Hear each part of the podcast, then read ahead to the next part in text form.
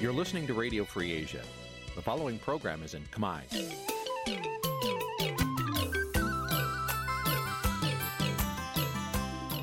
Nǐ ជាកម្មវិធីផ្សាយ Vuthu Azizi Serai នេះជាកម្មវិធីផ្សាយរបស់ Vuthu Azizi Serai ជាភាសាខ្មែរ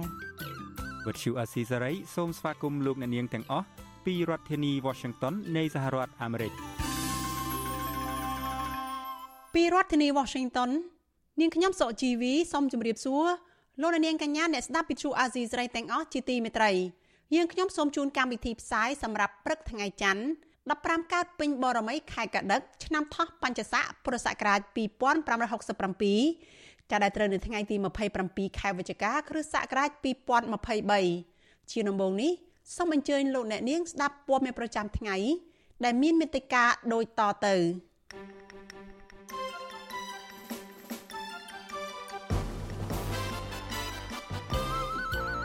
អ្នកខ្លាំមើលបារម្ភពីផលប៉ះពាល់លើពលរដ្ឋនិងបរិស្ថានក្រោយពីរដ្ឋាភិបាលកាត់ដីឧស្សាហជាតិខេត្តពោធិ៍សាត់ជាង400ហិកតាទៅឲ្យក្រុមហ៊ុនឯកជនគ្រួសារខកចិត្តដែលរដ្ឋាភិបាលមិនលើកលែងទោសអ្នកទោសនយោបាយក្នុងឱកាសពិធីបុណ្យអុំទូកពលករខ្មែរនៅប្រទេសថៃជួបជុំគ្នាទាមទាររដ្ឋាភិបាលពន្យាពេលសងបំណុលធនាគារ អ្នកធ្វើអំបុកនៅខេត្តកំពង់ធំស្នើឲ្យក្រសួងពាណិជ្ជកម្មពន្យាការចុះបញ្ជីឈ្មោះអំបុកកំពង់ធំ ដើម្បីជំរុញការលក់រួមនឹងព័ត៌មានសំខាន់សំខាន់មួយចំនួនទៀតចាជាបន្តទៅទៀតនេះនាងខ្ញុំសុជីវីសូមជូនព័ត៌មានទាំងនេះពិស្ដាចាលោកនាងជាទីមេត្រីប្រពន្ធបរោះម្នាក់ដែលប្រើប្រាស់បណ្ដាញសង្គម Facebook រិះគន់គណៈបកកណ្ដាលអំណាចជាពិសេសរិះគន់រឿងលំហូរចូលពលរដ្ឋវៀតណាមមករស់នៅកម្ពុជាខុសច្បាប់ ស្នើអាជ្ញាធរនិងតុលាការខេត្តបន្ទាយមានជ័យដោះលែងប្តីឲ្យវិលមកជួបជុំក្រុមគ្រួសារឡើងវិញគ្រួសាររបស់បរោះរូបនោះយល់ថាការយកប្រព័ន្ធតុលាការមកបំបិទសិទ្ធិសេរីភាពពលរដ្ឋមិនមែនជាដំណោះស្រាយនោះទេចាលោកច័ន្ទដារ៉ូរាយការណ៍អំពីរឿងនេះគ្រួសារលើកឡើងថាទោះបីជីវភាពរកហូបព្រឹកខ្វះល្ងាចតែលោកកងសារ៉ន គឺជាមនុស្សល្អដែលចេះឈឺឆ្អាលរឿងទឹកដីនិងសង្គមដែលធ្វើឲ្យប្រជាពលរដ្ឋនៅក្នុងស្រុកភូមិគោរពស្រឡាញ់ពួកគេស្នើដល់អាជ្ញាធរនិងរដ្ឋាភិបាលទម្លាក់ចោលការចោទប្រកាន់និងដោះលែងរូបគាត់ឲ្យមានសេរីភាពឡើងវិញ ពីព្រោះគាត់មិនបានប្រព្រឹត្តខុសច្បាប់អ្វីឡើយប្រពន្ធរបស់លោកកងសរន គឺអ្នកស្រីហងត្រឹបប្រាប់វិទ្យុអាស៊ីសេរីនៅថ្ងៃទី26ខែវិច្ឆិកាថាប៉ូលីស នៃស្នងការដ្ឋាននគរបាលខេត្តបន្ទាយមានជ័យមិនអនុញ្ញាតឲ្យលោកស្រីចូលជួបមុខប្តីនោះទេ ដែលធ្វើឲ្យគ្រួសារបារម្ភអំពីសុខទុក្ខនិងខ្លាចអាជ្ញាធរវាយធ្វើបាបដោយសារសកម្មភាពរបស់ប្តីអ្នកស្រីរិះគន់លើបណ្ដាញសង្គម Facebook នាពេលកន្លងមក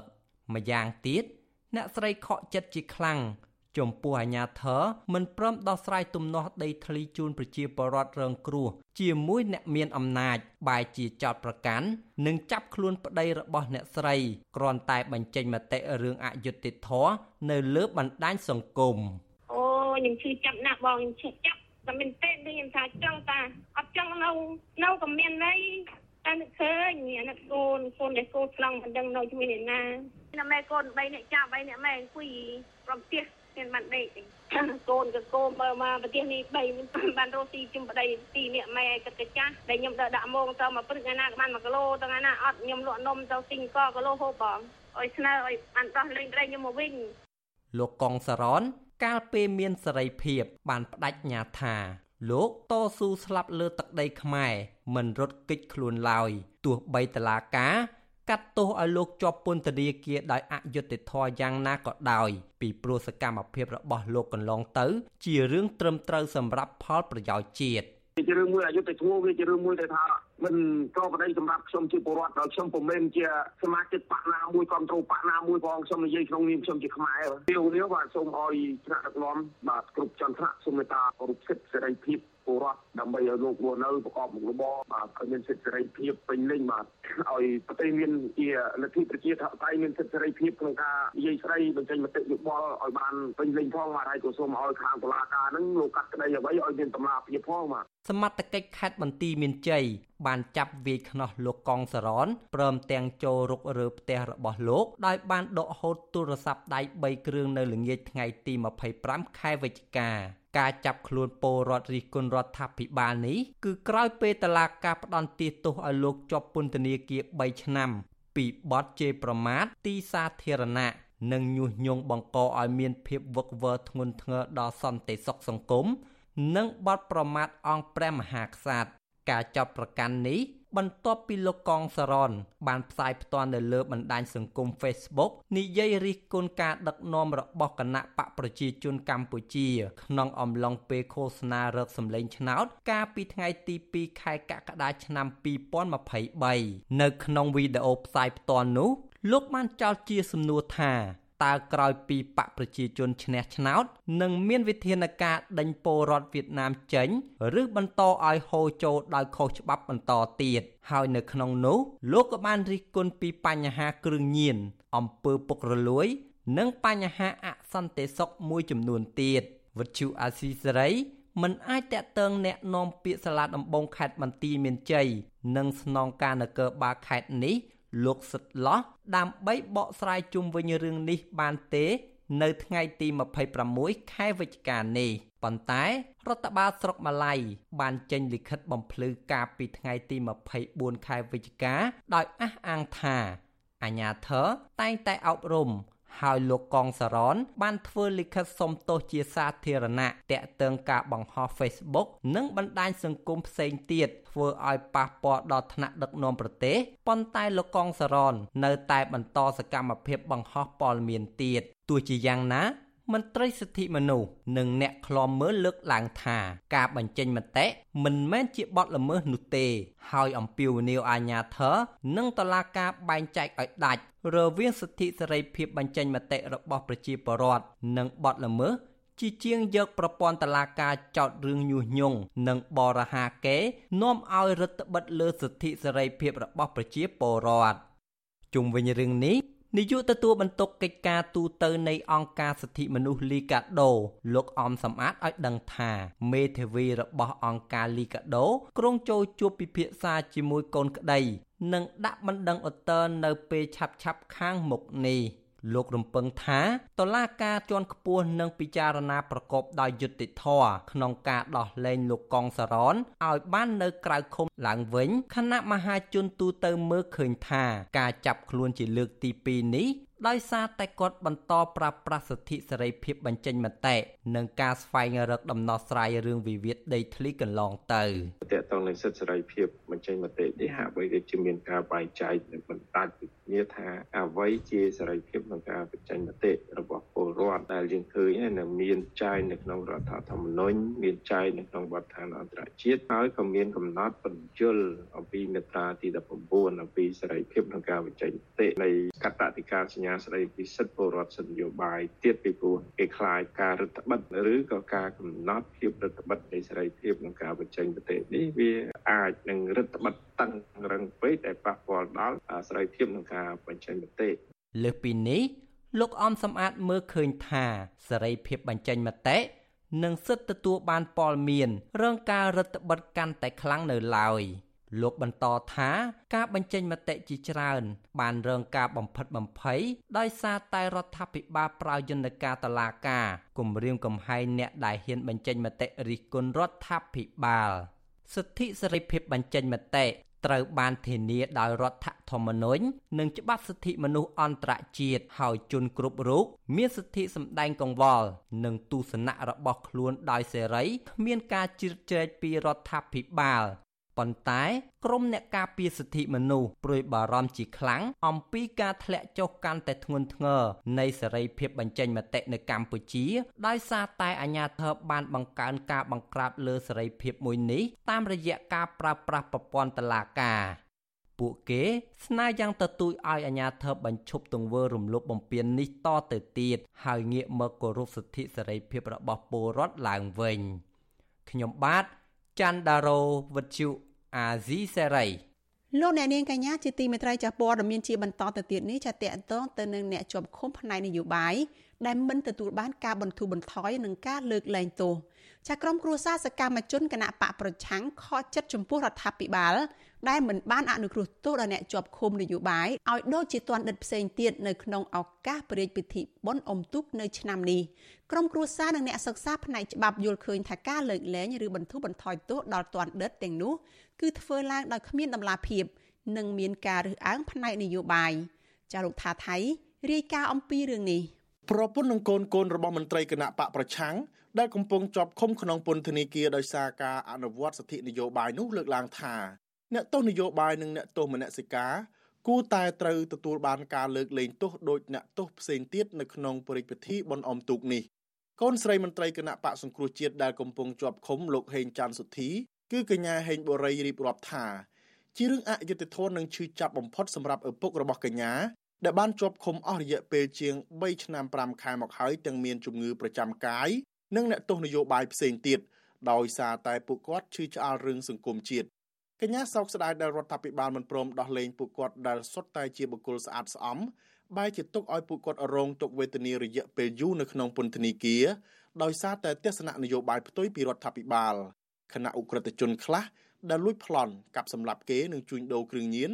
បែរជាមានសំណាងទទួលបានការអនុគ្រោះទោសទៅវិញ។ បើសិនជារដ្ឋាភិបាលគាត់ដោះលែងពួកខ្ញុំក៏ដូចជាអ្នកទៅនយោបាយផ្សេងទៀតឲ្យគាត់មានសេរីភាពគឺមានផលចំណេញយ៉ាងធំទៅដល់រដ្ឋាភិបាលគឺវាមិនមានជាការចាញ់ប្រៀបឬក៏ដោយហេតុថាពួកខ្ញុំក៏ដូចជាអ្នកទៅនយោបាយផ្សេងទៀតគាត់ផ្ដួលរំលំរដ្ឋាភិបាលទេគឺគាត់គ្រាន់តែជាប្រជាពលរដ្ឋសាមញ្ញគាត់អត់មានអធិបុលអីហើយគាត់ក៏អត់មានអាវុធឬក៏អ្វីដែលត្រូវផ្ដួលរំលំរដ្ឋាភិបាលបានឡើយជាបន្ទុយទៅវិញគឺបើសិនជារដ្ឋាភិបាលដោះលែងពួកគាត់បង្ហាញទៅដល់អន្តរជាតិឃើញថាកម្ពុជាគឺជាប្រទេសដែលមានលទ្ធិប្រជាធិបតេយ្យហើយនឹងទទួលបានផលចំណេញពីអន្តរជាតិយ៉ាងច្រើនក៏ដូចជាឱកាសទទួលបានប្រព័ន្ធអនុគ្រោះពន្ធ ABA ក៏ដូចជា GSP មកបន្ថែមទៀតពីព្រោះប្រព័ន្ធអនុគ្រោះពន្ធនេះគឺវាមានសារៈសំខាន់ខ្លាំងមែនទែនចំពោះប្រទេសកម្ពុជារបស់យើង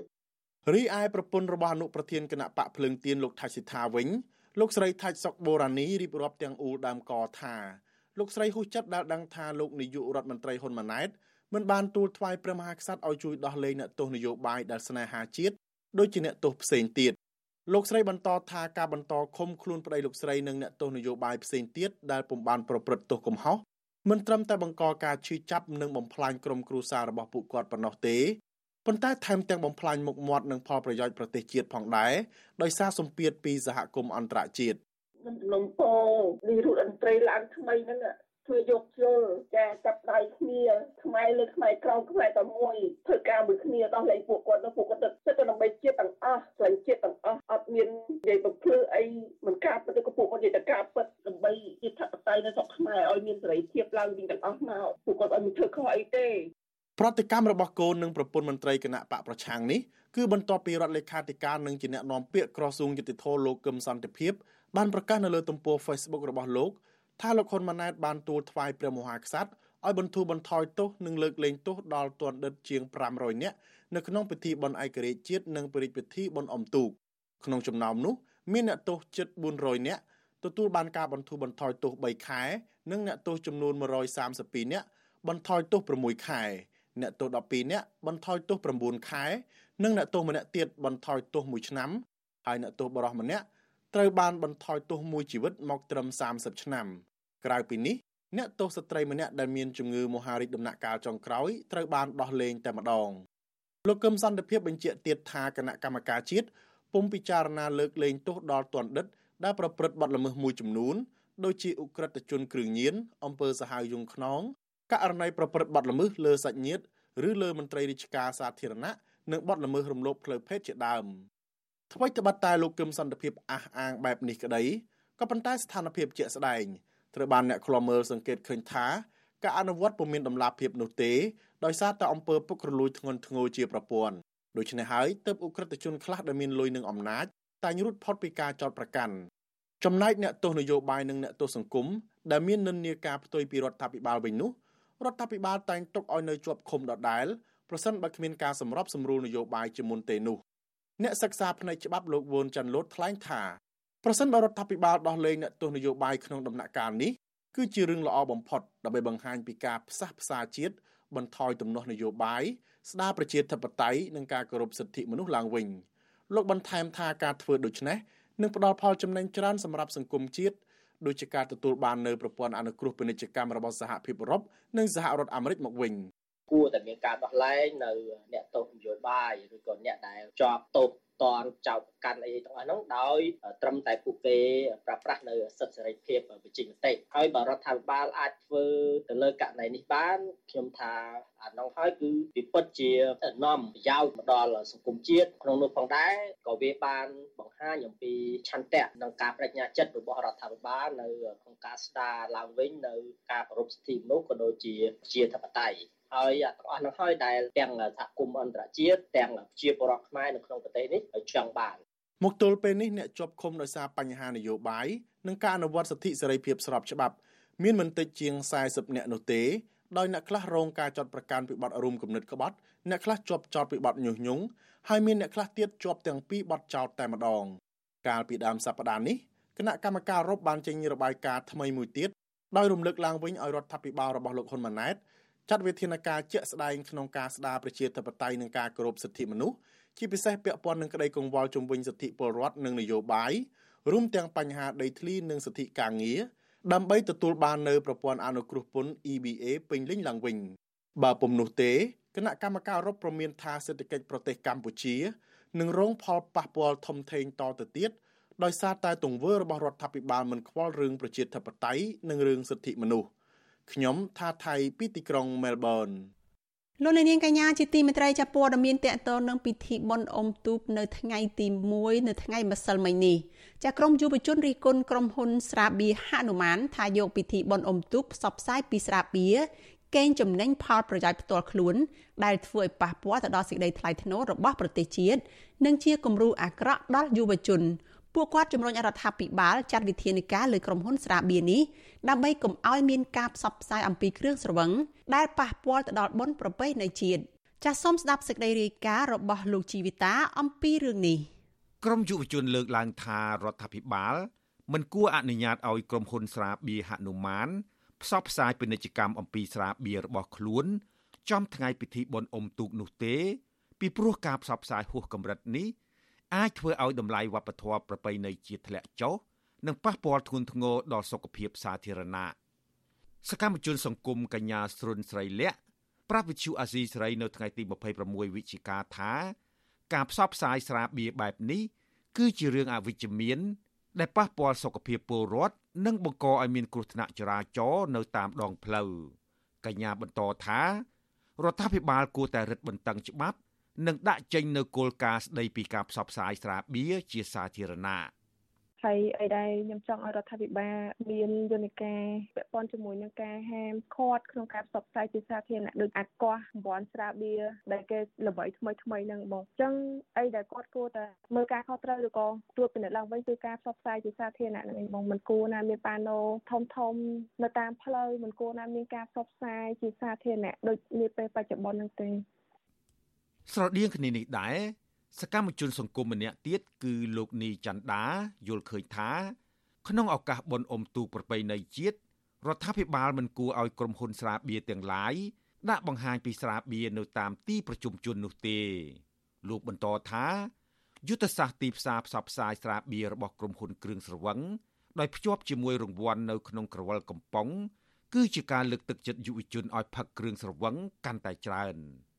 យើងមិនបិទកាសនៅក្នុងការធ្វើទីផ្សារពាណិជ្ជកម្មទេព្រោះតែយើងនៅក្នុងទីផ្សារសេរីដែរប៉ុន្តែយើងគិតតែមើលផលប៉ះពាល់នៅក្នុងបែបនៃការផ្សព្វផ្សាយនឹងផងដែរយើងមើលតើបើសិនយើងផ្សព្វផ្សាយច្រើនពេកតើវាអាចប៉ះពាល់ទៅដល់យុវជនអីទេអញ្ចឹងយើងគួរតែតាក់ទងទៅនឹងពន្ធអីគឺតាក់ទងទៅនឹងគ្រឿងសង្វឹងអីយើងគួរតែសម្លាង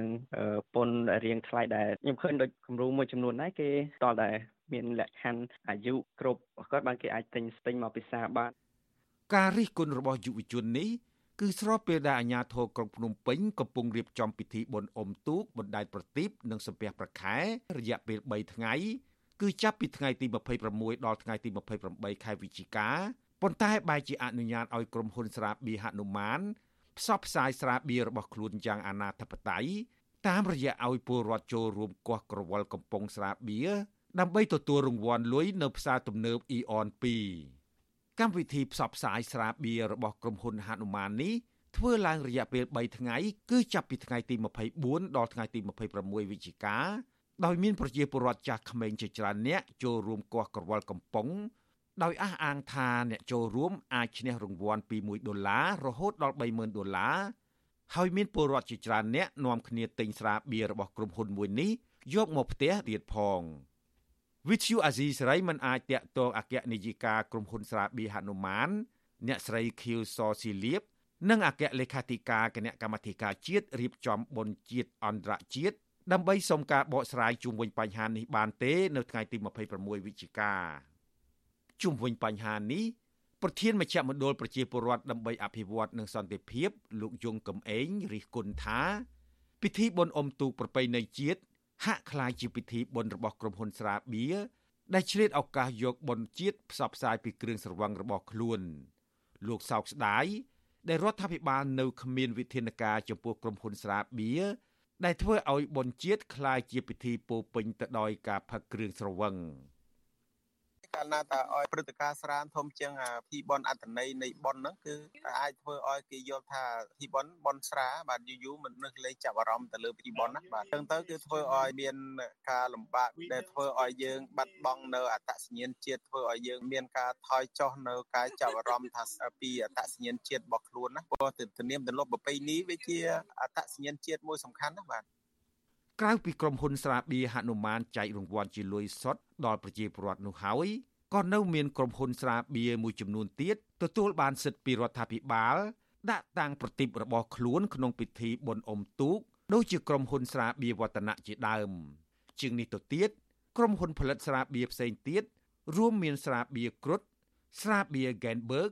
ស្រាបៀរអង្គរនិងផលិតផលស្រាបៀរផ្សេងទៀត ក៏បានបង្កើនការផ្សព្វផ្សាយរបស់ខ្លួនតាមរយៈកញ្ចក់ទូរទស្សន៍ផ្ទាំងផ្សាយពាណិជ្ជកម្មធំធំតាមដងផ្លូវជាពិសេសថែមទាំងមានរង្វាន់ម៉ូតូឡាន និងរង្វាន់ដំណើរកម្សាន្តទៅក្រៅប្រទេសទៀតផង កាលពីឆ្នាំ2019រដ្ឋាភិបាលគ្រោងដាក់ចេញនូវវិធានការទប់ទល់ការផ្សព្វផ្សាយគ្រឿងស្រវឹងនិងភេសជ្ជៈដែលមានលក្ខណៈមិនស្មោះត្រង់ពោលគឺការដាក់រង្វាន់ដើម្បីតាក់ទាញអតិថិជន ដើម្បីទិញផលិតផលរបស់ខ្លួន ប៉ុន្តែមកទល់បច្ចុប្បន្នរដ្ឋាភិបាលនៅតែគ្មានវិធានការជាក់លាក់ដើម្បីដោះស្រាយបញ្ហានេះនៅឡើយទេក្រមយុវជននិងមន្ត្រីអង្គការសង្គមស៊ីវិលជំរុញរដ្ឋាភិបាលអនុវត្តច្បាប់ឲ្យបានម៉ឺងម៉ាត់ចំពោះក្រុមហ៊ុនណា ដែលឆ្លៀតឱកាសយកពិធីបុណ្យជាតិកេងចំណេញប្រយោជន៍ផ្ទាល់ខ្លួន ដែលធ្វើឲ្យប៉ះពាល់តម្លៃជាតិជាពិសេសអាចធ្វើឲ្យពលរដ្ឋប្រឈមនឹងជំងឺជាច្រើនប្រភេទនៅពេលដែលពួកគេផឹកគ្រឿងស្រវឹងច្រើន គ្រឿងស្រវឹងគឺជាមូលហេតុបង្កឲ្យមានគ្រោះថ្នាក់ចរាចរណ៍ការប្រើអំពើហិង្សានៅក្នុងគ្រួសារនិងប៉ះពាល់ដល់ការអភិវឌ្ឍធនធានមនុស្សជាដើមខ្ញុំជីវិតាអាស៊ីសេរីលោកនាងកញ្ញាជាទីមេត្រីចាងាកមកព័ត៌មានតកតងនឹងអ្នកលក់ដូរនៅក្នុងពិធីបុណ្យអុំទូកវិញម្ដង ចាជីវករលក់ដូរមួយចំនួននៅក្នុងរាជធានីភ្នំពេញនៅតែត្អូញត្អែពីការរកចំណូលមិនសូវបានដោយសារតែលក់ដូរមិនសូវដាច់បើទោះបីជាក្នុងថ្ងៃពិធីបុណ្យអុំទូកជាថ្ងៃដែលមានភ្ញៀវទេសចរជាតិនិងអន្តរជាតិដើរលេងកម្សាន្តច្រើនកុះកក្តីទន្ទឹមនឹងនេះអាជ្ញាធរព្យាយាមបណ្ដេញពលរដ្ឋមិនឲ្យលក់ដូរនៅតំបន់សំខាន់សំខាន់ដែលមានភ្ញៀវទេសចរដើរលេងកម្សាន្តនោះទេចាសសូមស្ដាប់សេចក្តីរាយការណ៍របស់លោកមានរិទ្ធអំពីរឿងនេះ ប្រជាពលរដ្ឋក្មេងចាស់ប្រុសស្រីនិងភ្ញៀវអន្តរជាតិចាប់ផ្ដើមសម្រុកដើរលេងកម្សាន្តតាមតំបន់នានានៅក្នុងរាជធានីភ្នំពេញនាឱកាសថ្ងៃបុណ្យអុំទូកដំបូងគឺថ្ងៃទី26ខែវិច្ឆិកា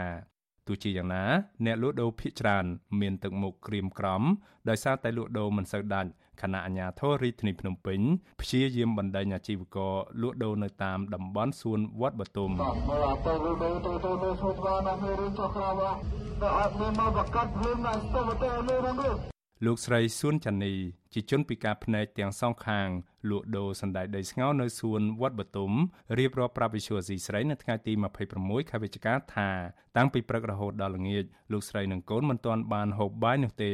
ដោយសារតែរោគចំណូលពុំសូវបានហើយអាជ្ញាធរក្រុងភ្នំពេញព្យាយាមបណ្ដេញពលរដ្ឋលក់ដូរនៅលើសួនម្ដងហើយម្ដងទៀតលោកស្រីទទូចឲ្យអាជ្ញាធរកុំបណ្ដេញពលរដ្ឋចេញពីកន្លែងលក់ដូរដែលមានភ្ញៀវទេសចរដើរលេងកម្សាន្តច្រើន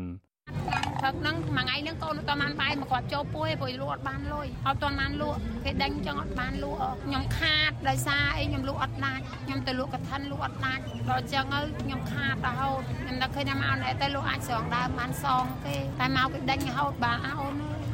ចំណែកឯពលរដ្ឋម្នាក់ទៀតជាជនពិការភ្នែកដែរគឺលោកស្រីលេងជឿនរៀបរាប់ថាលោកស្រីអាចរកចំណូលពីការលក់ពងគ្រួចនិងសណ្ដែកដី ចំណេញបាន50000រៀលក្នុងថ្ងៃទី1នៃពិធីបុណ្យអុំទូកនេះក៏ប៉ុន្តែលោកស្រីបញ្ជាក់ថាចំណូលនេះរកបានតិចជាងថ្ងៃធម្មតាដែលលោកស្រីទូលសណ្ដែកដីលក់តាមហាង និងកន្លែងផឹកស៊ីនាពេលយប់ ក៏ដងលក់តាមហាងតែដល់ពេលអ៊ំទុកអ៊ំមកលក់តាមអ៊ំទុកតាមបានអានេះ5កញ្ចប់ទាំងអូនឯងហើយអានេះបាន3កំប៉ុងចាញ់តាមហាងឯងប៉ុន្តែអ៊ំទុកចឹងគេតាមហាងស្ងាត់ទៅគេមកលេងនេះវិញហើយចំណេញមួយថ្ងៃ50000ពួកអីមានកូនណាចាំខ្ញុំហ្មងណាកូន4នាក់រៀបឲ្យគេអស់ហើយគេគិតតែប្តីប្រពន្ធគេណាខ្ញុំលក់ខ្លួនឯងខ្ញុំពិការផងអីផង ទន្ទឹមនឹងអាញាធរហាមឃាត់ពលរដ្ឋមិនឲ្យលក់ដូរតាមសួនវត្តបទុមក្រុមហ៊ុនស្រាបៀរធំធំអាចរៀបចំឆាកនិងលក់ស្រាបៀរនៅក្នុងសួនថែមទាំងចែកចាយស្រាបៀរឲ្យពលរដ្ឋផឹកដោយឥតគិតថ្លៃទៀតផងអាជ្ញាធរក្រុងភ្នំពេញបានស្រែកដាក់មេក្រូគម្រាមពលរដ្ឋដែលលក់តាមសួនហើយអាជ្ញាធរខ្លះទៀតបានចុះពីលើរថយន្តមកប្រាប់អាជីវករឲ្យរើរបស់របរលក់ដូរទៅកន្លែងផ្សេងក៏ប៉ុន្តែពុំមានការបង្កអំពើហិង្សានោះទេ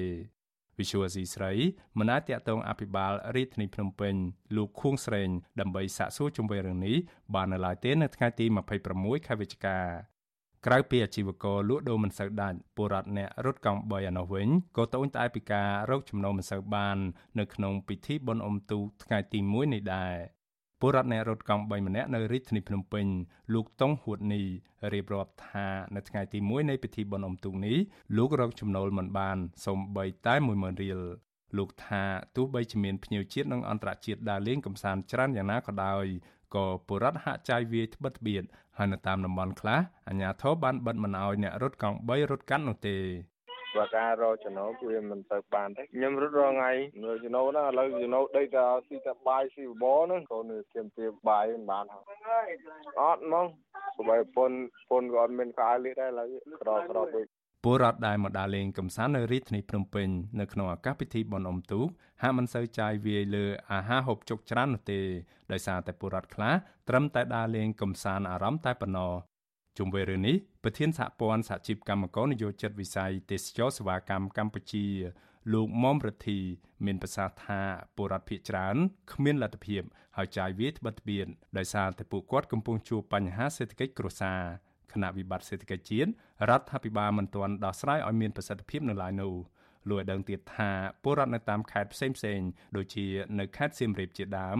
បានត្រឹមតែដើរលេងកំសាន្តទាំងទឹកមុខក្រៀមក្រំដោយសារតែពួកគាត់គ្មានលុយចាយ ជាជនខ្មែរដើរលេងមែនគាត់ដើរលេងហ្នឹងគឺមិនមែនជា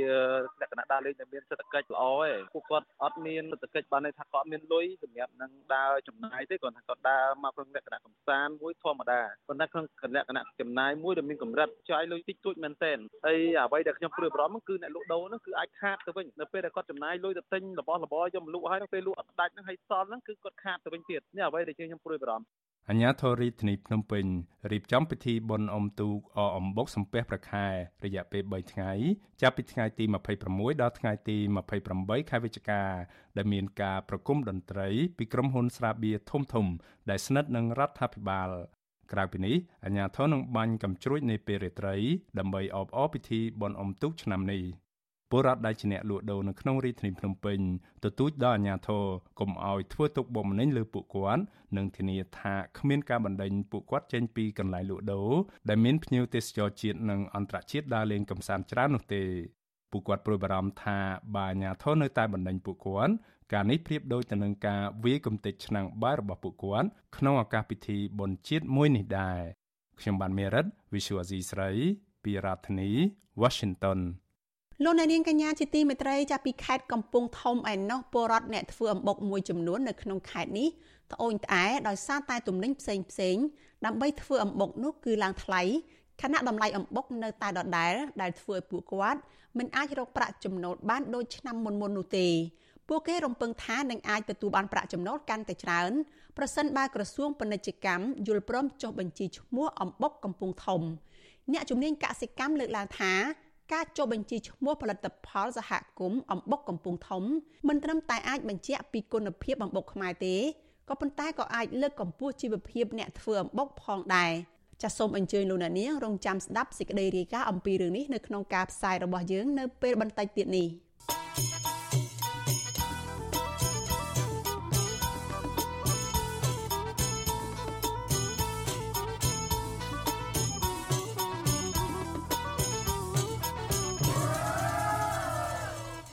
លោកអ្នកនាងកញ្ញាជាទីមេត្រីលោកអ្នកកំពុងស្ដាប់វិទ្យុអាស៊ីសេរីផ្សាយចេញពីរដ្ឋធានី Washington សហរដ្ឋអាមេរិក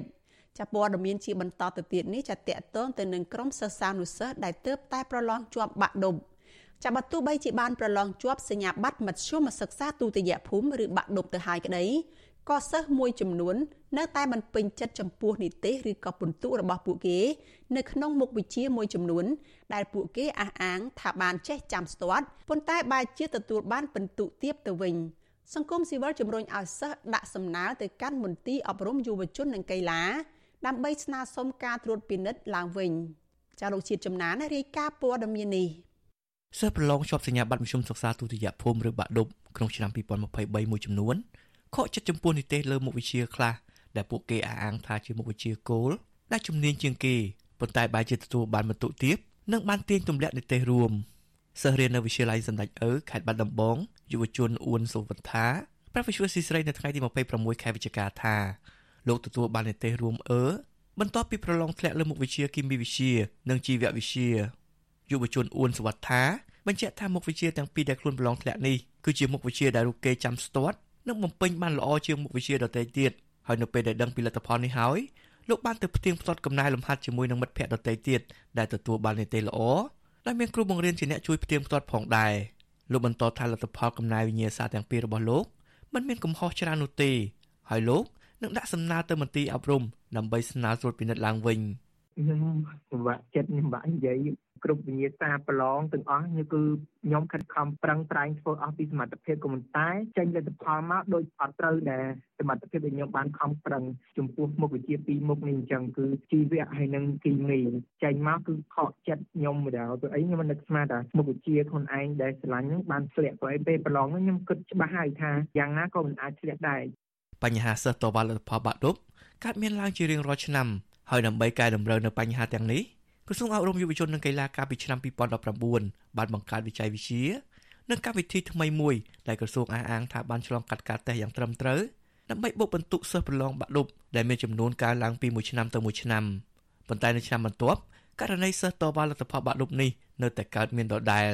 ស្រដៀងគ្នានេះដែរសិស្សម្នាក់ទៀតដែលមកពីវិទ្យាល័យក្តុលដូនទាវក្នុងខេត្តបាត់ដំបងយុវជនប្លន់ខ្សាក់កណិតប្រាប់វិទ្យុអេស៊ីសរ៉ៃថាលោក ទទួលបាននិទេសសេបន្ទាប់ពីប្រឡងធ្លាក់មុខវិជ្ជាជីវវិទ្យានិងមុខវិជ្ជាភាសាខ្មែរទទួលបាននិទេសដេ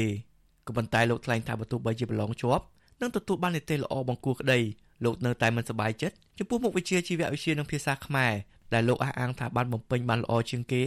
ប៉ុន្តែបែរជាបានបន្ទុកតិចទៅវិញយុវជនប្លន់សាកណិតសង្ស័យថាបញ្ហានេះអាចបណ្ដាលមកពីកំហុសបច្ចេកទេសរបស់ក្រសួងអប់រំក្នុងការស្រង់ទិន្នន័យចូលក្នុងបញ្ជី ដោយឆ្លាស់ទិន្នន័យរបស់បេក្ខជនប្រឡងដែលអង្គុយຕົកជាប់គ្នាខ្ញុំគិតថាទាំងពីរបងទាំងការកែហើយទាំងការបញ្ចូលបន្ទុកទៅក្នុង system នៅក្នុងកុំព្យូទ័រហ្នឹងព្រោះពេលខ្លះនៅក្នុង system កុំព្យូទ័រហ្នឹងវាមិនអាចត្រូវ100%ខ្ញុំជឿខាងចឹងជាក់ស្ដែងលើបន្ទុកជីវៈខ្ញុំហើយប្រៀបធៀបជាមួយអ្នកដែលគាត់លេខតុកចិត្តខ្ញុំហេតុអីបានគ្រប់មុខវិជ្ជាគាត់ធ្លាក់ទាំងអស់ហេតុអីបានជីវៈគាត់មួយបានអេ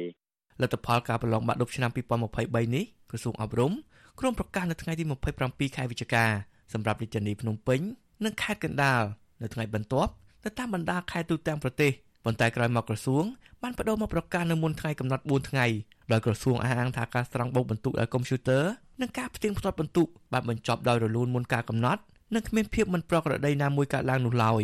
វិសុវស៊ីសេរីមិនអាចតាក់ទងแนะនាំពាក្យក្រសួងអប់រំយុវជននិងកីឡាអ្នកស្រីខួនវច្ចកា និងលោកកាន់ពុធីដើម្បីសុំការបកស្រាយជុំវិញរឿងនេះបានទេនៅថ្ងៃទី26ខែវិច្ឆិកាជុំវិញរឿងនេះ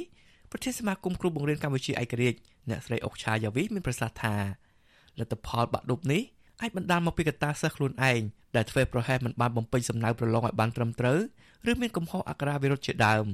លោកស្រីជំរុញឲ្យសិស្សដែលមានបញ្ហាបន្ទុកបាក់ឌុបគួរតែតាក់ទងទៅក្រសួងអប់រំយុវជននិងកីឡាដើម្បីស្នើត្រួតពិនិត្យសំណើប្រឡងឡើងវិញឲ្យបានមុនរយៈពេល1ខែ ក្រោយប្រកាសលទ្ធផលព្រោះអីលោកគ្រូអ្នកគ្រូពេលខ្លះគាត់ឲ្យទៅលើអាការសរសេរពីរបៀបរបបនៃការសរសេរទោះបីចម្លើយដូចគ្នាក្តីវាត្រូវតាខុសគ្នាមកបន្ទុកពីបន្ទុកហើយដល់អញ្ចឹងទៅយើងយកអាការហ្នឹងយកមកដើម្បីថាគ្រូហ្នឹងកែខុសកែអីអត់ត្រឹមត្រូវទេចា៎ក្រសួងអប់រំយុវជននិងកីឡាឲ្យដឹងថាលទ្ធផលប្រឡងសញ្ញាបត្រមធ្យមសិក្សាទុតិយភូមិសម័យប្រឡង6វិច្ឆិកា2023 មានបេក្ខជនប្រឡងជាប់សរុបចំនួនជាង90000នាក់ស្មើនឹងជាង72%នៃបេក្ខជនសរុបសិស្សទទួលបាននិទេស A មានចំនួនជាង1600នាក់និទេស B មានចំនួន77000នាក់និទេស C មានចំនួនជាង18000នាក់និទេស D មានចំនួនជាង34000នាក់និងនិទេស E មានចំនួនជាង37000នាក់សិស្សប្រឡងជាប់បាក់ឌុបខ្លះបានស្នើទៅឲ្យក្រសួងអប់រំយុវជននិងកីឡាត្រួតពិនិត្យសំណើប្រឡងរបស់គេឡើងវិញព្រោះលទ្ធផលប្រឡងបាក់ឌុបនេះ គឺជាលទ្ធផលនៃការលះបង់ពេលវេលាកម្លាំងកាយចិត្តនិងទ្រព្យសម្បត្តិដែលគ្រួសាររបស់ពួកគេខំទំនុកបំរុងអស់រយៈពេលជាង10ឆ្នាំហើយបន្ទុកបាក់ឌុបនេះក៏ជាស្ពានសម្រាប់ចម្លងរបស់ពួកគេទៅរកការសិក្សានៅកម្រិតឧត្តមសិក្សាផងដែរខ្ញុំបាទជាជំនាញ Visual Society ប្រធានាទី Washington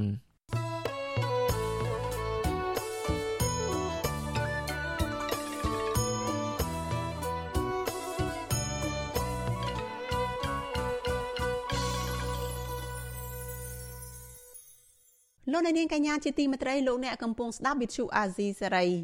ចាពលករខ្មែរមួយចំនួនដែលកំពុងធ្វើការនៅប្រទេសថៃប្រមាណ100នាក់នៅព្រឹកថ្ងៃទី26ខែវិច្ឆិកាម្សិលមិញប្រមូលផ្ដុំគ្នាសម្ដែងមតិទាមទាររដ្ឋាភិបាលកម្ពុជា អន្តរាគមទៅធនាគារនិងស្ថាប័នមីក្រូហិរញ្ញវត្ថុ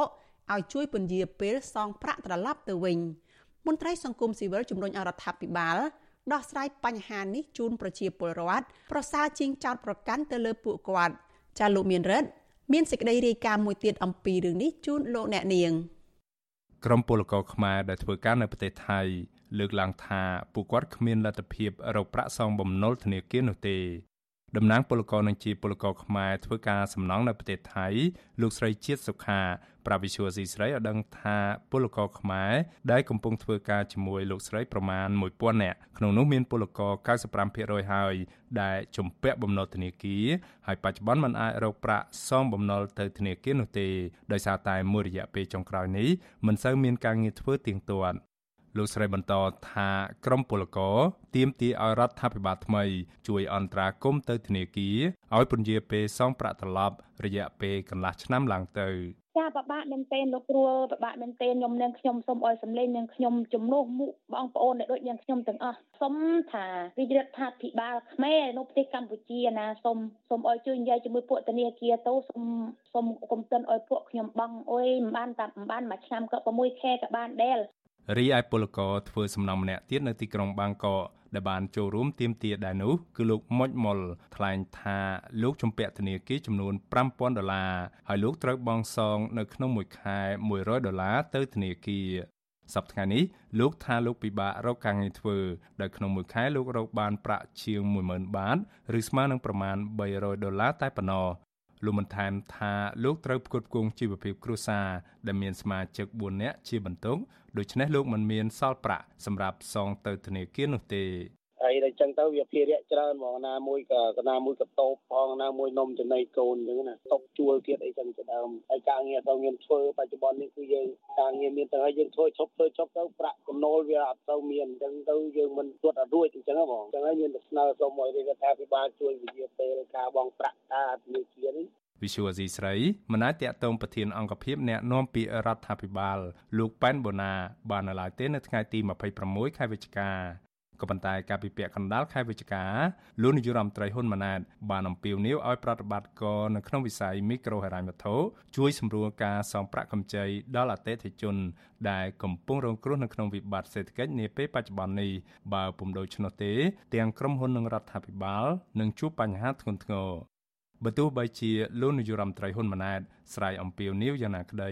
ក៏ក្រុមពលករនិងពលរដ្ឋមួយចំនួនអះអាងថារហូតមកទល់ពេលនេះបុគ្គលិកធនាគារនិងស្ថាប័នមីក្រូហិរញ្ញវត្ថុនៅតែទាមទារប្រាក់ពីពួកគាត់ដដែលរហូតដល់ពលរដ្ឋខ្លះកាត់បន្ថយម្ហូបអាហារប្រចាំថ្ងៃដើម្បីទុកប្រាក់សងបំណុលធនាគារជុំវិញរឿងនេះ ប្រធានផ្នែកប្រយុទ្ធប្រឆាំងការជួញដូរមនុស្សនិងទេសន្តប្រវេសនៃអង្គការសង្ត្រាល់លោកឌីថេហូយ៉ាសង្កេតឃើញថាពលរដ្ឋចំណាក់ស្រុកទាំងនោះសុទ្ធសឹងតែជាអ្នកមានជីវភាពលំបាកលំបិននិងជាប់បំណុលធនាគារ លោកស្នើទៅរដ្ឋាភិបាលឲ្យស្ដាប់ពីទុកកង្វល់របស់ប្រជាពលរដ្ឋនិងត្រូវយកចិត្តទុកដាក់ដោះស្រាយបញ្ហាទាំងអស់នោះប្រសើរជាងចោតប្រកាន់និងលាបពណ៌ទៅលើពួកគាត់ថាជាអ្នកប្រឆាំងរដ្ឋាភិបាលអញ្ចឹងយើងត្រូវសិក្សាពិតប្រាកដថាមកដល់បច្ចុប្បន្ននេះរដ្ឋខ្មែរចំនួនប្រមាណនេះដែលជាអំណុលគេហើយអាវិការជាអំណុលទាំងអស់នោះតែគាត់មានលទ្ធភាពអត់ត្រូវស្ដាប់សម្លេងអំពីការលើកឡើងរបស់គាត់ហើយរកដំណោះស្រាយសមស្របឆ្លើយតបនឹងបញ្ហាដែលគាត់កំពុងតែមានបាទ មួយរយៈពេលចុងក្រោយនេះពលករខ្មែរមួយចំនួនធ្វើការនៅប្រទេសថៃតែងតែប្រមូលផ្ដុំគ្នាសម្ដែងមតិនិងបង្ហោះសារនៅលើបណ្ដាញសង្គមទាមទារឲ្យរដ្ឋាភិបាលជួយពន្យាពេលសងបំណុលធនាគារជាបន្តបន្ទាប់មន្ត្រីអង្គការសង្គមស៊ីវិលលើកឡើងថាបញ្ហាទាំងនេះប្រសិនបើរដ្ឋាភិបាលមិនជួយអន្តរាគមន៍ទៅធនាគារតាមសំណើរបស់ពលរដ្ឋនោះទេ នោះអាចនឹងកើតមានវិបត្តិសង្គមធ្ងន់ធ្ងរនៅថ្ងៃខាងមុខហើយពលរដ្ឋធ្វើចំណាក់ស្រុកទៅក្រៅប្រទេសកាន់តែច្រើនឡើងច្រើនឡើង ដើម្បីរកប្រាក់សងបំណុលធនាគារខ្ញុំបានមេរិត Visual Asia ស្រី ពីរដ្ឋធានី Washington thank you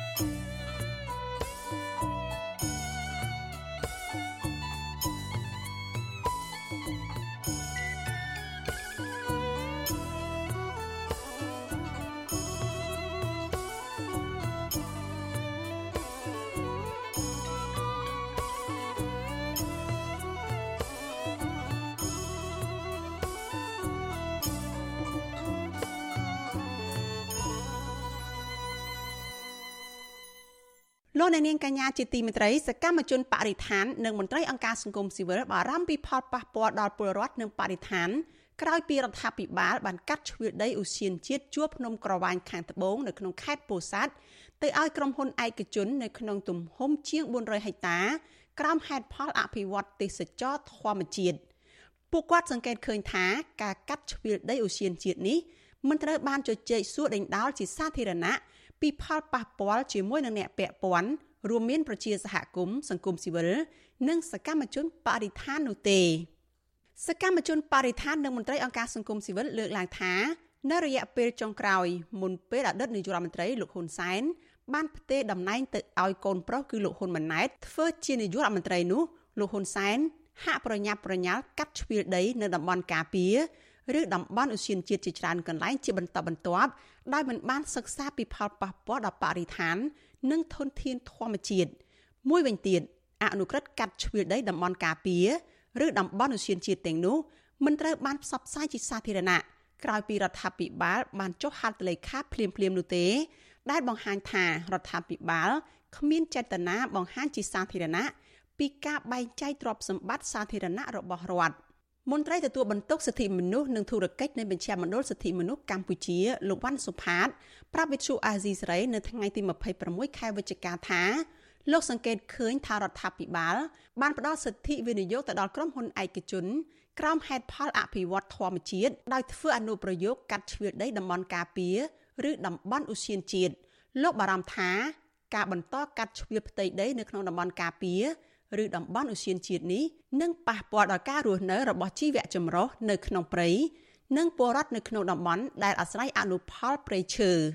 យើងតែងតែលើកពីការព្រួយបារម្ភថានឹងអស់ធនធានធម្មជាតិហើយនឹងដីរដ្ឋទាំងអស់នឹងคล้ายជាដីឯកជនដីរបស់ក្រុមហ៊ុនចឹងទៅវាប៉ះពាល់ដល់បរិស្ថានបាទមានការប្រែប្រួលអាកាសធាតុដែលធ្វើឲ្យមានការប៉ះពាល់ធ្ងន់ធ្ងរដល់សន្តិសុខសង្គមដល់សวัสดิភាពសង្គមរបស់យើងទាក់ទងទៅនឹងជីវភាពរបស់ជីវពលរដ្ឋផងដែរដែលជាពិសេសគឺជនជាតិដើមភាគតិច រដ្ឋាភិបាលដឹកនាំដោយនាយករដ្ឋមន្ត្រីហ៊ុនសែនកាលពីខែកក្កដាកន្លងទៅបានចុះហត្ថលេខាលើអនុក្រឹត្យស្ដីពីកំណត់តំបន់ប្រើប្រាស់ដោយចីរភាពនិងការធ្វើអនុប្រយោគនៃសាធារណៈរបស់រដ្ឋឲ្យទៅដីឯកជនរបស់រដ្ឋទំហំជាង400ហិកតា នៅតំបន់ជួរភ្នំក្រវាញខាងត្បូងឃុំអូសោមខេត្តពោធិ៍សាត់ដើម្បីផ្ដល់ទៅឲ្យក្រុមហ៊ុនសាមានីធ្វើការអភិវឌ្ឍធនធានធម្មជាតិនិងរុក្ខទេសចរ ការកាត់ឈើដីតំបន់ការពារនិងតំបន់ឧស្សាហជាតិទៅឲ្យក្រុមហ៊ុនឯកជនក្រោមលេខអភិវឌ្ឍតែងតែជាមធ្យោបាយសម្រាប់បើកដៃឲ្យឈ្មួញកាប់បំផ្លាញព្រៃឈើនៅក្នុងតំបន់ការពារនិងធ្វើឲ្យប៉ះពាល់តំបន់ព្រៃកប់សពសត្វព្រៃនិងពលរដ្ឋរស់នៅអាស្រ័យលើអនុផលព្រៃឈើដូចជាករណីក្រុមហ៊ុនសម្បទានសេដ្ឋកិច្ច Mega First ដែលទទួលសិទ្ធិវិនិយោគពីរដ្ឋាភិបាលលើដីជាង9000ហិកតា នៅស្រុកអូរាំងខេត្តមណ្ឌលគិរី កាលពីឆ្នាំ2019 បានអនុវត្តខុសគោលការណ៍វិនិយោគដោយឈូសឆាយដីបំពេញតំបន់ព្រៃសក្ការៈដីព្រៃជំរកសត្វកម្រនិងធនធានធម្មជាតិវិទ្យុអាស៊ីសេរីនៅមិនទាន់អាចតាក់ទងប្រធានអង្គភិបអ្នកណែនាំពាក្យរដ្ឋាភិបាលលោកប៉ែនបូណាដើម្បីសុំការអធិប្បាយជុំវិញបញ្ហានេះបាននៅឡើយទេ នៅថ្ងៃទី26ខែវិច្ឆិកាដោយទូរស័ព្ទហៅចូលតែគ្មានអ្នកទទួលសកម្មជនបរិស្ថាននៃចលនាមេដាធម្មជាតិលោកថនរដ្ឋាប្រាប់វិទ្យុអាស៊ីសេរីថា លោកបារម្ភដល់បរិស្ថាននិងធនធានធម្មជាតិនៅតំបន់អូសៀនជាតិបន្ទាប់ពីរដ្ឋាភិបាលបានកាត់ដីមួយចំនួនទៅឲ្យក្រុមហ៊ុនឯកជនដោយសារតែក្រុមហ៊ុនឯកជនតែងតែវិនិយោគដើម្បីស្វែងរកផលចំណេញលោកបន្ថែមថាអនុក្រឹត្យកាត់ជ្រៀលដីនៅតំបន់ការពារឬតំបន់ឧស្សាហជាតិទាំងនោះខ្វះការផ្សព្វផ្សាយជាសាធារណៈនិងការជជែកដេញដោលរវាងភាគីពាក់ព័ន្ធរវាងរដ្ឋឯកជនសហគមន៍មន្ត្រីសង្គមស៊ីវិល និងសកម្មជនបរិស្ថានជាដើម។ ដែលយើងមានការព្រួយបារម្ភហើយយើងសំណូមពរហើយសំណូមពរទៀតថា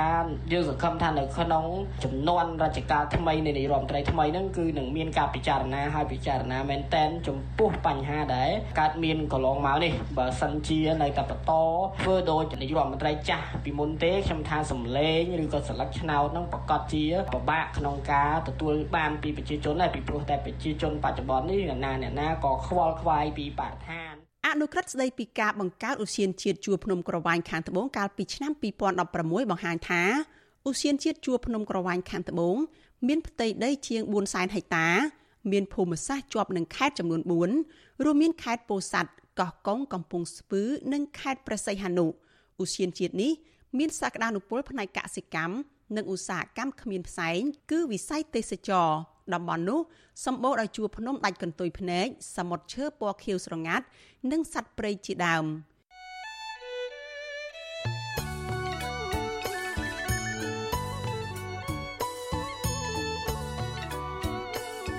លោកអ្នកនាងកញ្ញាប្រិយមិត្តជាទីមេត្រីដំណើរគ្នានឹងស្ដាប់ការផ្សាយផ្ទាល់របស់វិទ្យុអាស៊ីសេរី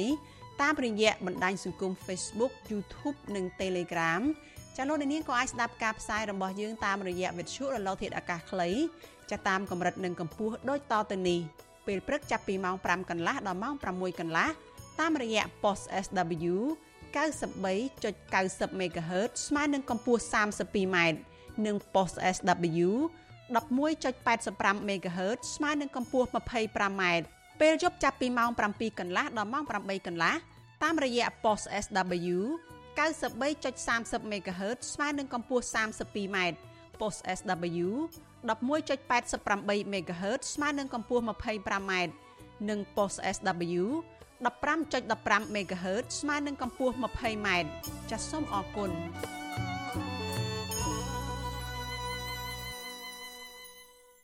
លោកដានៀងកញ្ញាប្រិយមិត្តជាទីមេត្រីលោកអ្នកកំពុងស្ដាប់វិទ្យុអាស៊ីសេរីផ្សាយចេញពីរដ្ឋធានី Washington សហរដ្ឋអាមេរិក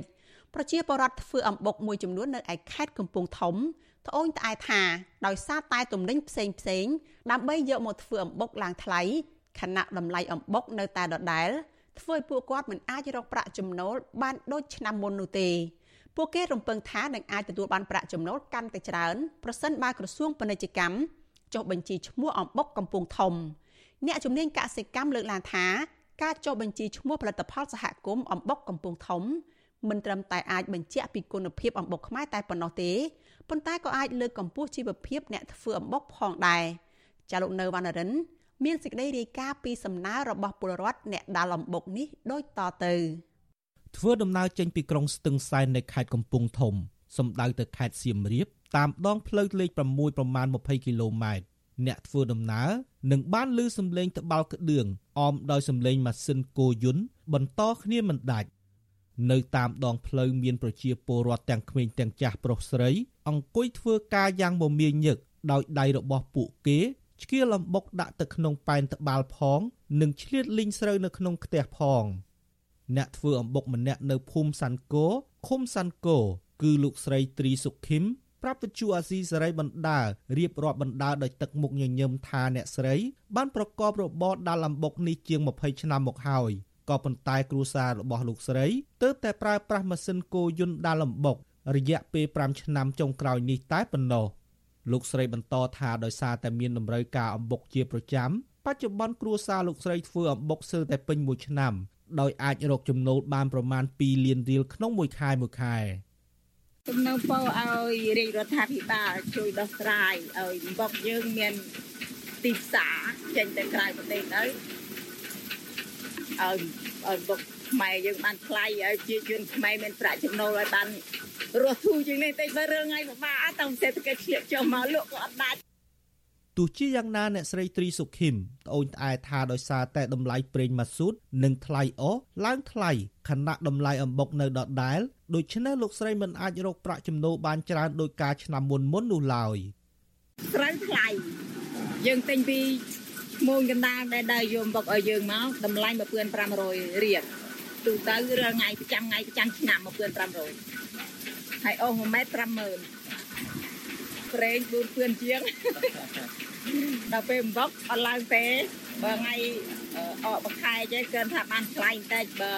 ថ្ងៃធម្មតាតម្លៃបោះដំទី800ហើយលក់រាយមួយពឿនស្រដៀងគ្នានេះដែរពលរដ្ឋធ្វើអំបុកម្នាក់ទៀតគឺលោកបិលសុមាន ប្រាប់បិទជួអាស៊ីសេរីថាដោយសារតែចំណូលធ្វើអំបុកមិនបានច្រើនដូចឆ្នាំមុនមុនភរិយារបស់លោកបានបង្ខំចិត្តទៅធ្វើការនៅរោងចក្រនៅក្នុងក្រុងភ្នំពេញ កាលពីខែកញ្ញាកន្លងទៅលោកបន្តថាមុនពេលផ្ទុះជំងឺ Covid-19 ក្រសួងពាណិជ្ជកម្មបានត្រៀមធ្វើស្លាកយីហោនិងដាក់លេខទូរស័ព្ទឲ្យអ្នកធ្វើអំបុកដើម្បីអ្នកទិញងាយស្រួលទំនាក់ទំនងទិញនិងចំណាំតូបលក់អំបុក ក៏ប៉ុន្តែរហូតដល់ពេលនេះមិនទាន់បានទទួលលទ្ធផលអ្វីនៅឡើយនោះទេជួនកាលមួយថ្ងៃបាន3 4ម៉ឺនថ្លៃម្ហូបកូនរៀនហូមបើសិនទីនៅជុំគ្នាបើយើងធ្វើអានឹងលក់ដាច់ក៏អត់បាក់ទៅវាអាចបងរួចយើងឆ្នាំហ្នឹងវាថាមកភ្ជុំទេលក់ដាច់ប៉ុន្តែយើងតម្លៃស្រូវគេយកមកថ្លៃបើយើងយើងវា ទូទាត់ទៅថ្លៃប្រេងថ្លៃអុយថ្លៃយើងកម្លាំងពលកម្មរាល់ថ្ងៃទៅវាបានតិចអ្នកភូមិសាន់កោចាប់ផ្ដើមដាល់លំបុកត្បាល់ក្តឿងដោយឆ្នៃប្រើជាមួយគោយន្តកាលពីឆ្នាំ2018បើទោះជាយ៉ាងនេះក្តីរសជាតិអំបុកនៅក្នុងឃុំសាន់កោនៅតែរក្សាបានរសជាតិឈ្ងុយប្រហើរនិងស្រួយដដែល ជាទូទៅ ប្រជាពលរដ្ឋតែងតែបរិភោគអំបុកជាអាហារសម្រន់ជាមួយទឹកដូងចេកទុំ និងទឹកត្នោតជាដើម ក៏ប៉ុន្តែបច្ចុប្បន្ននេះអំបុកត្រូវបានប្រជាពលរដ្ឋកែច្នៃយកទៅបរិភោគយ៉ាងច្រើន រួមមានដូចជាអំបុកលីងជាមួយសាច់ក្រកសាច់ជ្រូកនិងនំបំពងអំបុកជាដើមទំនៀមទម្លាប់ខ្មែរពីបុរាណមកប្រជាពលរដ្ឋភៀកច្រើនចាប់ផ្ដើមដាល់អំបុកលក់ត្រឹមពិធីបុណ្យដាក់បិណ្ឌរហូតដល់ចប់ពិធីបុណ្យអុំទូកបណ្ដែតប្រទីបអកអំបុកសំពះព្រះខែតែប៉ុណ្ណោះក៏ប៉ុន្តែដោយសារតែមានការកំងទិញជាប្រចាំមេឃុំសាន់កូ លោកជួសួនប្រាប់វិទ្យុអាស៊ីសេរីថាបច្ចុប្បន្ននេះប្រជាពលរដ្ឋនៅក្នុងឃុំសាន់កូមួយចំនួន បានប្រកបរបរដាល់អំបុកពេញមួយឆ្នាំតែម្ដងទោះជាយ៉ាងណា អ្នកធ្វើអំបុកនឹងជាជាងឆ្នៃម៉ាស៊ីនគោយន្តប្រើប្រាស់ត្បាល់ក្តឿងលោកក្រូចសុកលីប្រាប់វិទ្យុអាស៊ីសេរីថាដោយសារតែអំបុកគៀបដោយម៉ាស៊ីនដែលមកពីខេត្តបាត់ដំបង មានរសជាតិមិនឆ្ងាញ់តែលក់នៅក្នុងតម្លៃថោកទើបធ្វើឲ្យអ្នកធ្វើអំបុកតាមបែបបុរាណមិនអាចលក់បានតម្លៃថ្លៃនោះទេវាស្រួលដែរប៉ុន្តែថាវាមិនបានប្រាក់ចំណូលច្រើនបើថាស្រួលស្រួលធ្វើការខ្លួនយើងមានណាគេបង្ខំយើងឲ្យយើងយើងចង់ធ្វើធ្វើយើងចង់រាក់រាក់បើយើងត្រាក់យើងអត់មានចាយយើងអត់មានលុយកូនរៀនកូនអីបងថាឲ្យវាស្រួលវាស្រួលជាងយើងដើរចោលផ្ទះយើងនៅក្នុងផ្ទះក៏ត្រូវថាវាទៅបានថាការឆ្លើយតបនឹងការលើកឡើងនេះដែរ អ្នកនាំពាក្យក្រសួងពាណិជ្ជកម្មលោកប៉ែនសុវិជាតិប្រាប់វិទ្យុអាស៊ីសេរីថាក្រសួងពាណិជ្ជកម្មបានចាប់ផ្ដើមដំណើរការនីតិវិធីចុះផលិតផលសហគមន៍អំបុកកំពង់ធំ នៃឃុំសាន់កូជាផលិតផលភូមិមួយផលិតផលមួយកាលពីឆ្នាំ2021លោកបញ្ជាក់ថាមូលហេតុដែលមានភាពយឺតយ៉ាវក្នុងការចុះបញ្ជីសម្គាល់ផលិតផលនេះគឺបណ្ដាលមកពីតំណាងប្រជាពលរដ្ឋមិនទាន់ផលិតសៀវភៅបន្ទុកដែលសរសេរលម្អិតពីវិធីធ្វើអំបុក និងស្តង់ដារធ្វើអំបុករបស់សហគមន៍ គាត់ត្រូវមានសភៅបន្ទុកមួយសម្រាប់កំណត់នៅលក្ខណៈសម្បត្តិនៃការប្រើប្រាស់ហ្នឹងអញ្ចឹងហើយក្រសួងគ្រាន់តែណែនាំឲ្យរៀបចំរបៀបហ្នឹងទេសមាគមខ្លួនឯងត្រូវរៀបចំរឿងហ្នឹងដោយខ្លួនឯងក្រសួងនឹងជួយខ្លះដែរមិនមែនថាមិនជួយយើងជួយផ្នែកបច្ចេកទេសដើម្បីធ្វើឲ្យរឿងហ្នឹងវាអាចដំណើរការទៅបានណាប៉ុន្តែកន្លងមកមកដល់ឥឡូវហ្នឹងខ្ញុំឃើញថាដូចមានការយឺតយ៉ាវខ្លះហ្នឹងគឺមិនមែនជាខ្ញុំជាកំផ្សាយថាកំហុសរបស់អ្នកណាណាគឺថាមកពីប្រហែលជាមិនទាន់រៀបចំសភៅបន្ទុកនឹងបានបើខ្ញុំតាមដានមើលទៅបាទ ជុំវិញរឿងនេះដែរអ្នកជំនាញកសិកម្មលោកនីណាមានប្រសាសន៍ថាការចុះបញ្ជីផលិតផលម៉ាកអំបុកនៅក្នុងខេត្តកំពង់ធំមិនត្រឹមតែអាចបង្កើនតម្លៃអំបុកដើម្បីលើកកម្ពស់ជីវភាពរបស់អ្នកផលិតនោះទេប៉ុន្តែវាអាចរក្សារសជាតិនិងផលិតផលអំបុកតាមបែបប្រពៃណីដូនតាខ្មែរផងដែរ។ លោកបន្តថាបើទោះជាអំបុកខ្មែរមានរសជាតិឈ្ងុយឆ្ងាញ់យ៉ាងណាក្តីប៉ុន្តែផលិតផលអំបុកនឹងមិនអាចលក់ទៅទីផ្សារច្រើនបាននោះឡើយប្រសិនបើក្រសួងពាក់ព័ន្ធមិនមានការគ្រប់គ្រងដោយផ្ទាល់ទៅលើអ្នកធ្វើអំបុកអំពីបច្ចេកទេសកែច្នៃវិចខ្ចប់និងការផលិតប្រកបដោយស្តង់ដារដូចទៅនឹងអំបុករបស់ប្រទេសជិតខាង។ ក្រសួងកសិកម្មក៏គាត់ត្រូវតែជួយ ពីផលិតផលកសិផលរបស់កសិករដែលផលិតបាន ជាស្រូវហើយកែច្នៃមកជាបុកហ្នឹងតើគាត់បានសម្របសម្រួលឲ្យមានទីផ្សារយ៉ាងម៉េចដោយកន្លែងខ្លះគាត់អាចធ្វើបានដូចជាតំបន់ខ្លះគាត់មានបង្កើតផ្សារសហគមន៍សម្រាប់លក់ផលិតផលប្រចាំតំបន់ហ្នឹងអញ្ចឹងបើនៅកំពង់ធំវាគួរតែមានបង្កើតផ្សារ សម្រាប់អំបុកឬក៏មួយចំណែកណាមួយដែលឲ្យប្រជាពលរដ្ឋកសិករដែលផលិតអំបុកបានហ្នឹងយកទៅលក់ដោយមិនចាំបាច់បង់ភាសីផ្សារមិនចាំបាច់បង់ពន្ធអីហ្នឹងអាហ្នឹងជាការជួយហើយមេឃុំសាន់កូលោកជួសួន លើកឡើងថាប្រជាពលរដ្ឋប្រមាណ200គ្រួសារនៅក្នុងឃុំសាន់កូប្រកបរបរដាល់លំបុកលក់ហើយការលក់ភៀកច្រើន គឺមានមួយកំងទិញដល់កន្លែងដាល់លំបុកតែម្ដង លោកបន្តថាតាមរយៈការប្រកបរបរដាល់លំបុកនេះអ្នកដាល់លំបុកម្នាក់អាចរកចំណូលបានប្រមាណ40000រៀលក្នុងមួយថ្ងៃមួយថ្ងៃហើយដោយសារតែមុខរបរនេះហើយធ្វើឲ្យប្រជាពលរដ្ឋនៅក្នុងឃុំសាន់កូមិនសូវធ្វើចំណាក់ស្រុកទៅធ្វើការនៅប្រទេសថៃនោះទេអ្នកជំនាញកសិកម្មលើកឡើងថាអំបុកគឺជាផលិតផលកសិកម្មសម្រាប់ ហើយដំណើរការធ្វើអំបុកបែបប្រពៃណីក៏ជាបេតិកភណ្ឌរស់ផងដែរដូច្នេះអាជ្ញាធរពាក់ព័ន្ធគួរអន្តរាគមផ្សព្វផ្សាយផលិតផលនៅក្នុងស្រុកមួយនេះឲ្យបានទូលំទូលាយដើម្បីលើកកម្ពស់ជីវភាពប្រជាពលរដ្ឋផលិតអំបុកទាំងនេះខ្ញុំបាទនៅវណ្ណរិន With Chu Azizi Saray ពីរដ្ឋធានី Washington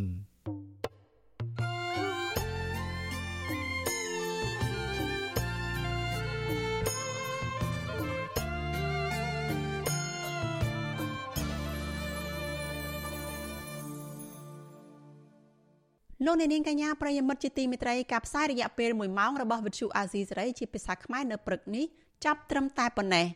ចា៎នាងខ្ញុំសុជីវីព្រមទាំងក្រុមការងារទាំងអស់នៃវិទ្យុអាស៊ីសេរីចាសសូមអរគុណនិងសូមជម្រាបលា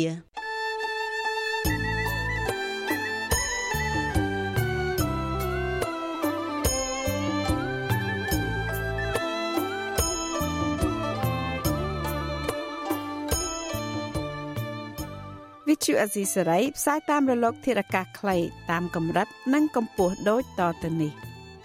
ពេលព្រឹកចាប់ពីម៉ោង5កន្លះដល់ម៉ោង6កន្លះតាមរយៈប៉ុស SW 93.90 MHz ស្មើនឹងកម្ពស់ 32m និងប៉ុស SW 11.85 MHz ស្មើនឹងកម្ពស់ 25m ពេលយប់ចាប់ពីម៉ោង7កន្លះដល់ម៉ោង8កន្លះតាមរយៈប៉ុស SW 93.30 MHz ស្មើនឹងកម្ពស់ 32m